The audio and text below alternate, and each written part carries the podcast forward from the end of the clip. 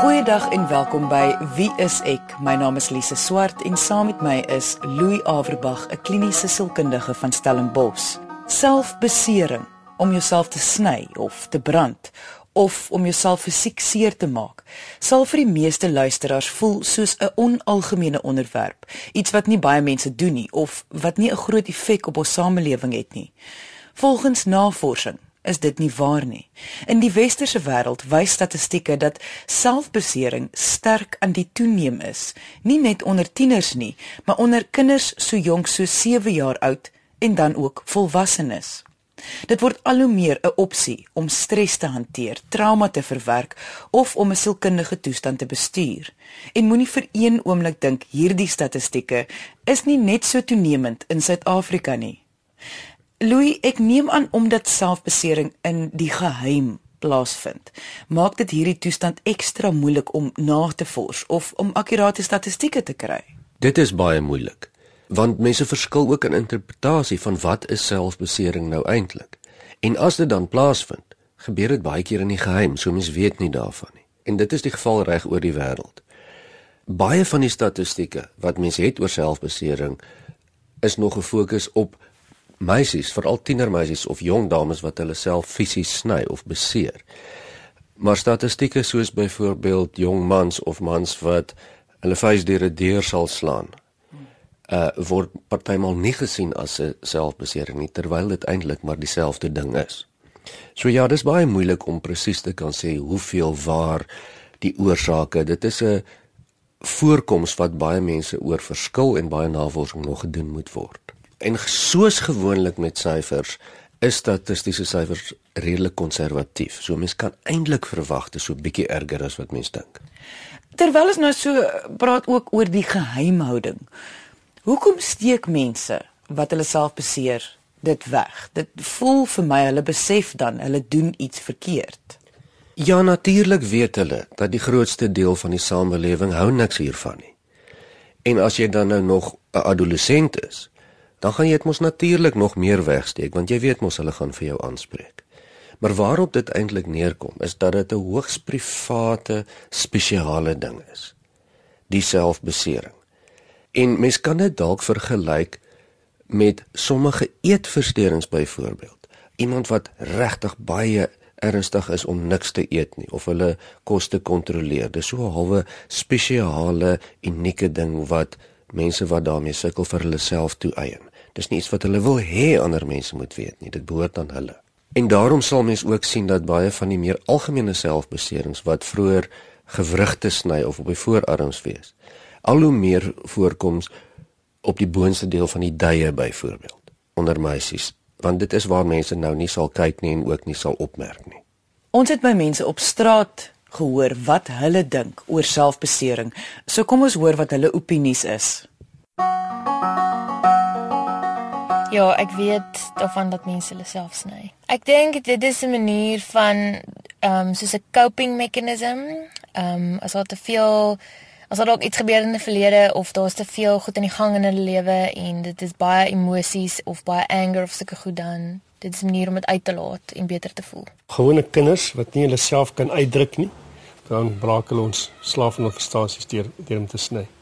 Dit is iets om oor skaam te wees as jou kind nou vir ag mense haar homself sny of haarself sny. Ek dink dis hulle sukkel met sekere probleme van die verlede oor, oor dit te kom en hulle is dalk moontlik dat dit dalk dit sal beter maak. Ek dink dit is soort van embarrassing. Jy wil nie die wêreld wys dat jy 'n weakness het nie, so dis hoekom hulle dit of dis hoekom ek dit so wegsteek. Louis, wanneer mense hoor van selfbesering, dink 'n mens dit is net vroue of meisies wat hulself beseer. Maar ek sien in my navorsing dat seuns en mans dit ook doen, maar op verskillende maniere. Ja, weer eens gaan dit oor hoe hierdie statistieke verkry is. En dis nie altyd baie betroubaar nie. Maar oor die algemeen kan mens dan sê dit is meer meisies en ek praat van adolessente meisies waar selfbesering die meeste voorkom in die vorm van beserings deur skerp voorwerpe deur te sny of miskien te brand. Dit kom minder voor onder volwassenes en dan ook minder onder tiener seuns, maar waar dit by mans voorkom, gaan dit meer op 'n stomper vorm voorkom van geweld, die uitdrukking van frustrasie deur iets te slaan of te breek. Goed, so hoekom doen mense dit? Ek bedoel, wat is die motivering daar agter? Kyk, hierdie is baie kompleks en dit verskil eintlik van mens tot mens en situasie tot situasie. Wat ons wel weet op die stadium is dat selfbesering soms kan voorkom as gevolg van trauma waar depressie soms voorkom. Dit kom baie keer saam met eetversteurings, saam met bipolêre versteurings en waar dit gaan waar mense regtig sukkel om hulle emosies toepaslik te hanteer. Dis min of meer partykeer waar dit voorkom. Maar dit is glad nie so eenvoudig soos dit nie. As mens bietjie meer in fokus, sal mens kan sê dat die motivering agter selfbesering verskil so bietjie van geslagte. Kom ons begin by seuns, jongmans, mans. Dit lyk asof selfbesering oor die algemeen daar meer voorkom as 'n uitdrukking van frustrasie of 'n uitdrukking van navolge van 'n romantiese verhouding wat dalk opgebreek het. En ek gebruik weer die voorbeeld van die deurskop, die vuisbreek op die muur. Maar dit is nogal redelik anders waar dit by adolessente meisies of by jong dames of of ouer dames voorkom.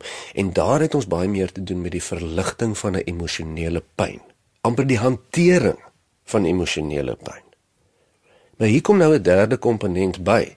En dit is dat dit lyk asof baie van hierdie gedrag raak amper 'n obsessie.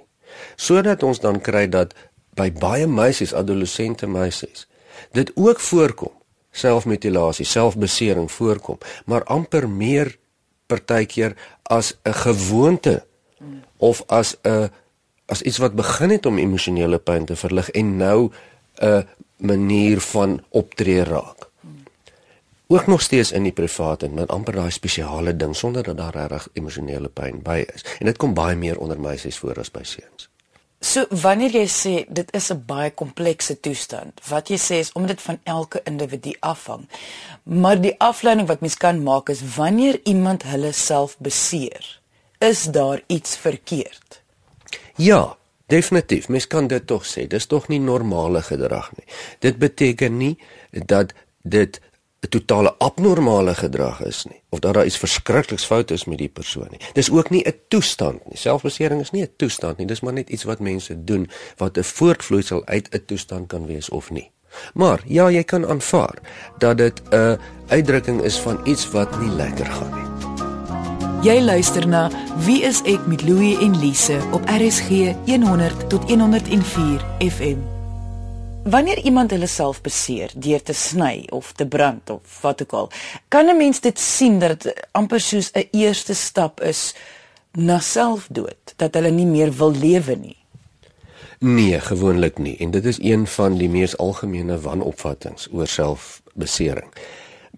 By verre weg die meeste mense wat hulle self beseer op hierdie manier wat ons van praat land landwydlik nooit in 'n hospitaal nie. Dit is ook nie lewensgevaarlike besering in die meeste van die tyd nie en dit het definitief nie te doen met selfdood nie. Ehm um, dis amper meer 'n hanteringsmeganisme as wat dit nou die begin is van 'n proses. En ek verstaan dat baie mense skrik en sien maar genade die adolessent begin haar of homself nou seermaak en die volgende stap is waarskynlik erger en erger. Dit is gewoonlik nie noodwendig so nie. Tensy dit natuurlik gekoppel is aan depressie. Soos jy gesê het, kan aan verskillende goed gekoppel word. Maar as dit gekoppel is aan depressie, kan die depressie die stap wees na selfdood. Ja, dit is seker so dat party mense wat dan tot selfdood gekom het, ook in die verlede hulle self beseer het. Maar die selfbesering is nie die aanleiding gewoonlik tot die selfdood nie, dit is as gevolg van die depressie of wat ook al die faktore is wat daarmee saamgaan. Op daai oomblik sal ek dalk gaan hulp kry, professioneel. En dan sal ek dalk vir hulle eerstehandse raad kan gee, baie liefde kan gee en te sê dat ek altyd daar vir hulle sal wees. Dat ek altyd sal luister en my foonnommer vir hulle sal gee. Ek sal sê ek sal tot in die nag ook daar wees vir hulle dat hulle my kan bel. Ehm um, omdat ek baie weet van die onderwerp dink ek sal ek bietjie gaan navorsing doen en lees daaroor. Want die, ek wil nie die persoon net konfronteer en dan is daar geen meer pad om met hulle te praat nie. So ek sal gaan lees daaroor en dan sal ek probeer op 'n compassionate manier vir hulle kry om te gaan vir hulp sodat hulle kan op om dit te doen want ja, ek dink dit is nogal baie dramaties om deur so iets te gaan. Ek dink ek sal aanvanklik probeer om aandag aan die persoon te gee, die persoon beter leer ken, laat die persoon oopmaak na my toe en probeer kyk of mense dalk kan agterkom wat die wat dit is wat die persoon pla as 'n mens daai vertrouheid by 'n ander persoon kan kweek dat hy op mense kan staat maak glo ek 'n mens sal dalk bietjie vordering kan toon. Ek dink mense kort ander mense ons is gemaak om saam met mekaar te wees en mekaar se laste te dra. Selfbestuuring is groot onder tieners en soos jy gesê het vir al tienermeisies, maar hoekom spesifiek onder tieners? Hieroor is baie teorieë en daar's konstante navorsing wat reg oor die wêreld gedoen word. Dis nie so maklik nie. Maar dit lyk asof hier 'n paar faktore is wat 'n rol speel. Toenemende hoë verwagtinge. Stres, gewone stres onder tieners. En hier kan ons ouers dalk ook vir ons vertel hoe hedendaagse tieners se skedules lyk. Dis amper 'n voltydse werk, lyk dit vir my, soos wat baie tieners se lewens lyk. Is hoë verwagtinge. Dan het jy nou nog verwagtinge van jou portuïergroep om in te pas, om oulik te wees, om vriende of vriendinne te hê. Huislike omstandighede kan 'n rol speel waar onbetrokkenheid van ouers of geweld, alkomsbruik, dwelmmisbruik by die huis voorkom, waar daar gesinsongelukkigheid is. Media tegnologie wat 'n groot rol speel in wat tieners sien vandag en wat sogenaamd aanvaarbaar is en nie. En dan natuurlik die groot ding van kontrole. En hierdie is myns insiens die kernpunt waar dit gaan oor tieners. Tieners smag na kontrole. Dit is die fase waar hulle begin groot word, waar hulle soek na hulle eie identiteit, waar hulle absoluut nie autoriteit wil hê nie en waar hulle eintlik geen kontrole het nie. Want die ouers en en onderwysers en die samelewing is hulle baas. Maar dis een ding wat jy kan doen is as jy hierdie komplekse ervarings wat jy het kan vereenvoudig en jy maak dit 'n simpel dingetjie of jy maak dit 'n eenvoudige iets waarop jy kan fokus. Jy verplaas jou pyn na hierdie een plek op jou lyf toe. Jy kan lekker beheer daaroor. Jy kan dit doen, niemand kan jou keer nie en dit is privaat. En dit is in 'n groot mate wat jy sien onder tieners waar hulle gewaarwording gaan kry van hulle self en hulle eie identiteit en waar hulle dan die pyn binne pyn verplaas na buitekant toe want is makliker om te kontroleer. Ons gesels vandag oor selfbesering wanneer iemand homself sny of brand of op enige manier self beseer. Voor die advertensiebreek het ons gesels oor hoekom mense hulle self seermaak, hoekom hulle dit in geheim hou en hoe algemeen dit onder tieners en volwassenes is. Indien jy die eerste helfte van die episode gemis het, kan jy na die pot gooi gaan luister op RSG se webwerf. Dit is rsg.co.za. Klik net op pot gooi, soek net vir wie is ek en luister na 'n episode volgens die uitsaai datum of kort beskrywing. Ons het mense op straat hulle opinie oor selfbesering gevra. So kom ons hoor wat hulle gesê het. Ek dink mense is baie keer desperaat om hulp te kry. Hulle sit dalk met probleme en daarom dink ek, jy weet, is dit 'n miskien 'n manier vir die mense om uh hulle kan nie hulle self verwoord om te sê hoorie ek het hulp nodig nie en ek dink as hulle hulle self moet sny is dit basies 'n teken om uit te reik na mense om te sê luister hierso ek het 'n probleem. Ek dink dis omdat hulle 'n skuldgevoel het en hulle wil nie hulle weet nie hoe om dit te hanteer nie en hulle wil eerder nie hê die wêreld moet daarvan weet nie. So hulle hulle sal eerder hulle self seermaak en hulle self skade probeer aandoen want hulle voel hulle verdien dit en hulle wil nie graag hulle is klaar baie skaam daaroor en wil nie hê die res van die wêreld moet uitvind nie. Ek dink mense sny hulle self van die pyn en die seer wat hulle het, is dalk oorweldigend en die probleme. Hulle dink nie daar's ander opsies nie. Hulle voel dalk is hulle skuld om hulle self te straf of 'n soort van 'n straf vir hulle sodat hulle nie ander mense moet seermaak nie. Dit bring dalk verligting om daai van daai pyn en oorweldigende seer en frustrasie en kwaad en alles op een slag wat in hulle hart is en hulle bors is sommer net dat dit alles net wil uitbars. Dalk ja, dalk bring dit verligting. Kom ons gesels net oor die tekens waarvoor ouers kan uitkyk want omdat mense wat hulself beseer dit geheim hou, moet dit tog baie moeilik wees om enigsins tekens te kan uitken. Ja, hierdie is bitter moeilik. En ek sê weer met seuns of met jongmans of mans is dit baie makliker jy kan sien. Hy het sy voet gebreek of sy hand gebreek of sy kop gestamp en daar is 'n kol op, jy weet. En jy kan mos dan sien dit gaan gepaard met algemene ongelukkigheid. Maar waar adolessente of mense privaat hulle self beseer en dis wat wat verder weg die meeste voorkom. Kan jy dit nie sien nie? Jy gaan tog nou nie jou adolessente kind of suster of broer se lyf ondersoek nie. So jy kan dit nie sien nie. En alwaarna mens kan kyk is die sielkundige tekens. Met ander woorde oor die algemeen, hoe gaan dit met jou kind? En ouers sal dan vir ons onmiddellik sê baie keer, maar hulle weet nie wanneer kinders weier om met hulle te praat. Die tieners wil nie kommunikeer met hulle ouers nie. Daarom sê ek altyd dat as jou kind in hulle tienerjare begin probleme gedragsprobleme wys, is dit baie keer amper te laat. Jy moet daai ding ondervang voor hulle tienerjare word. Die kommunikasie moet baie oop en baie direk wees en ouers sukkel verskriklik met hierdie ding want aan die een kant het ouers nodig om autoritair te wees en leiding te gee en aan die ander kant veral in die tienerjare het hulle nodig om meer 'n begeleier te wees. En dit is moeilik en hoe vroeër mens begin daarmee hoe beter hoe makliker gaan jy die tekens raak sien. Maar daar is nie behalwe die fisiese tekens 'n uh, 'n 'n lysie wat jy kan sien dat jou tiener hom of haarself gaan beseer nie. Ek neem aan mense moet dan kyk na die norm. Hoe is die normale tieners in die in die in in in jou kind se lewe, die maats en die vriende en sulke goed. En dan die patroon van hoe die tiener dan ewe skielik mis dalk verander, meer onttrek, minder sosiaal wil wees, meer en ek weet dit klink soos tekens wat alle tieners wys, maar Ek neem aan dit is wat ons nou vandag hier probeer sê is jy moet kyk na die normale tieners en dan na jou eie tiener en die patroon wat jy ken van jou van jou tiener as dit verander. Dit is absoluut waar wat jy sê. Al klink dit baie kompleks. Jy weet almal verskil. Ouderdomme verskil, persoonlikhede, ouderdomsfases verskil. Daar's 'n groot verskil tussen 'n tiener wat haarself beseer op 17 en een wat haarself beseer op 11. Jy weet dis amper verskillende lewensfases. Omstandighede verskil. En mens kan tog nie van ouers verwag om alles te kan raak sien en alles te kan verstaan nie.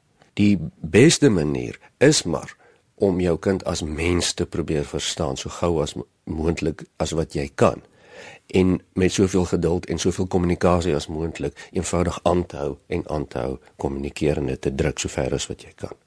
Die probleem is om jouself te beseer is nie net 'n toestand wat tieners affekteer nie, maar ook volwassenes. En dan is daar nie 'n ouer om jou by te staan nie of om jou te help nie. So, wat sou jy voorstel moet 'n volwassene doen in so 'n situasie? As jy as volwassene agterkom dat jy gereeld na hierdie hanteringsmeganisme toe gaan, dat jy jouself beseer, dan sou ek sterk voorstel dat jy professionele hulp kry. En wat bedoel ek by professionele hulp? By iemand in die gedragswetenskappe. Ideaal gaan jy vir jou afspraak kan maak by 'n kliniese sielkundige, by 'n psigiatër, jy kan selfs na jou huisdokter toe gaan wat jou sal verwys want dan gaan mens kyk na die oorsaak van die probleme vir jou alternatiewe hanteringsmeganismes probeer uitwerk.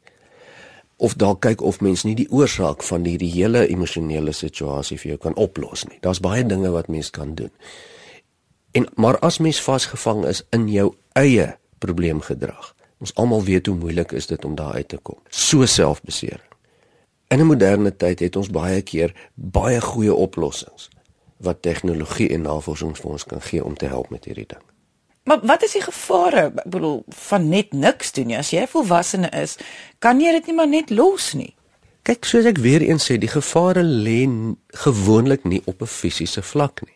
Maar jou lewenskwaliteit moet heelwat laer wees as jy jouself gedwing voel om gereeld jouself te beseer. Daar sal 'n rede daarvoor wees. Daar sal 'n ingewikkelde sielkundige situasie daar agter wees. Omdat daar alternatiewe maniere van hantering beskikbaar is, kan jy dus die risiko loop om 'n baie laer kwaliteit lewe te lei, gemoedsgewys veral. En dis nie regtig altyd nodig nie.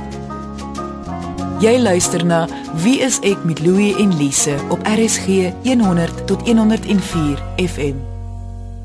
Kyk, daar is niks so erg soos wanneer jou ouer jou aanspreek oor iets wat jy verkeerd gedoen het nie, veral wanneer jy 'n adolescent is nie. So om te keer dat ouers hul kinders nou afskrik. Watter raad kan ons vir hulle gee oor hoe om so 'n sensitiewe situasie te hanteer? In ander woorde om inligting oor te gee of indien hulle iets agterkom, dit ook te kan hanteer. Dis moeilik om nou vir ouers sommer net breedweg raad te gee oor hulle kinders. Ek ek meen dis nie so maklik nie. Maar wat ons wel weet spesifiek rondom hierdie ding van selfbesteding. Dreigemente, straf ensovoorts werk glad nie. Dit werk eenvoudig nie omdat dit 'n private ding is. Jy kan nou maar dophou en wegvat en en videokameras installeer selfs as jy wil dit maak dit eintlik nog net lekkerder. Want nou kan jy dit nog meer probeer kontrole uitoefen as adolescent en jy sal dit regkry ook. Ek kan verstaan dat ouers skrik hulle mors dood as hulle agterkom, maar hulle kinders of tieners het hulle self seer gemaak.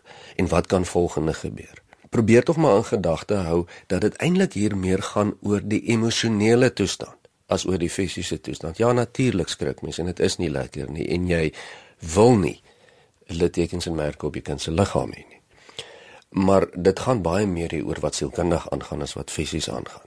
En hier moet mens baie versigtig wees om nie te autoritair te raak nie want jy gaan dit erger maak. So moet met jou kind praat. En professionele hulp? Professionele hulp werk baie goed.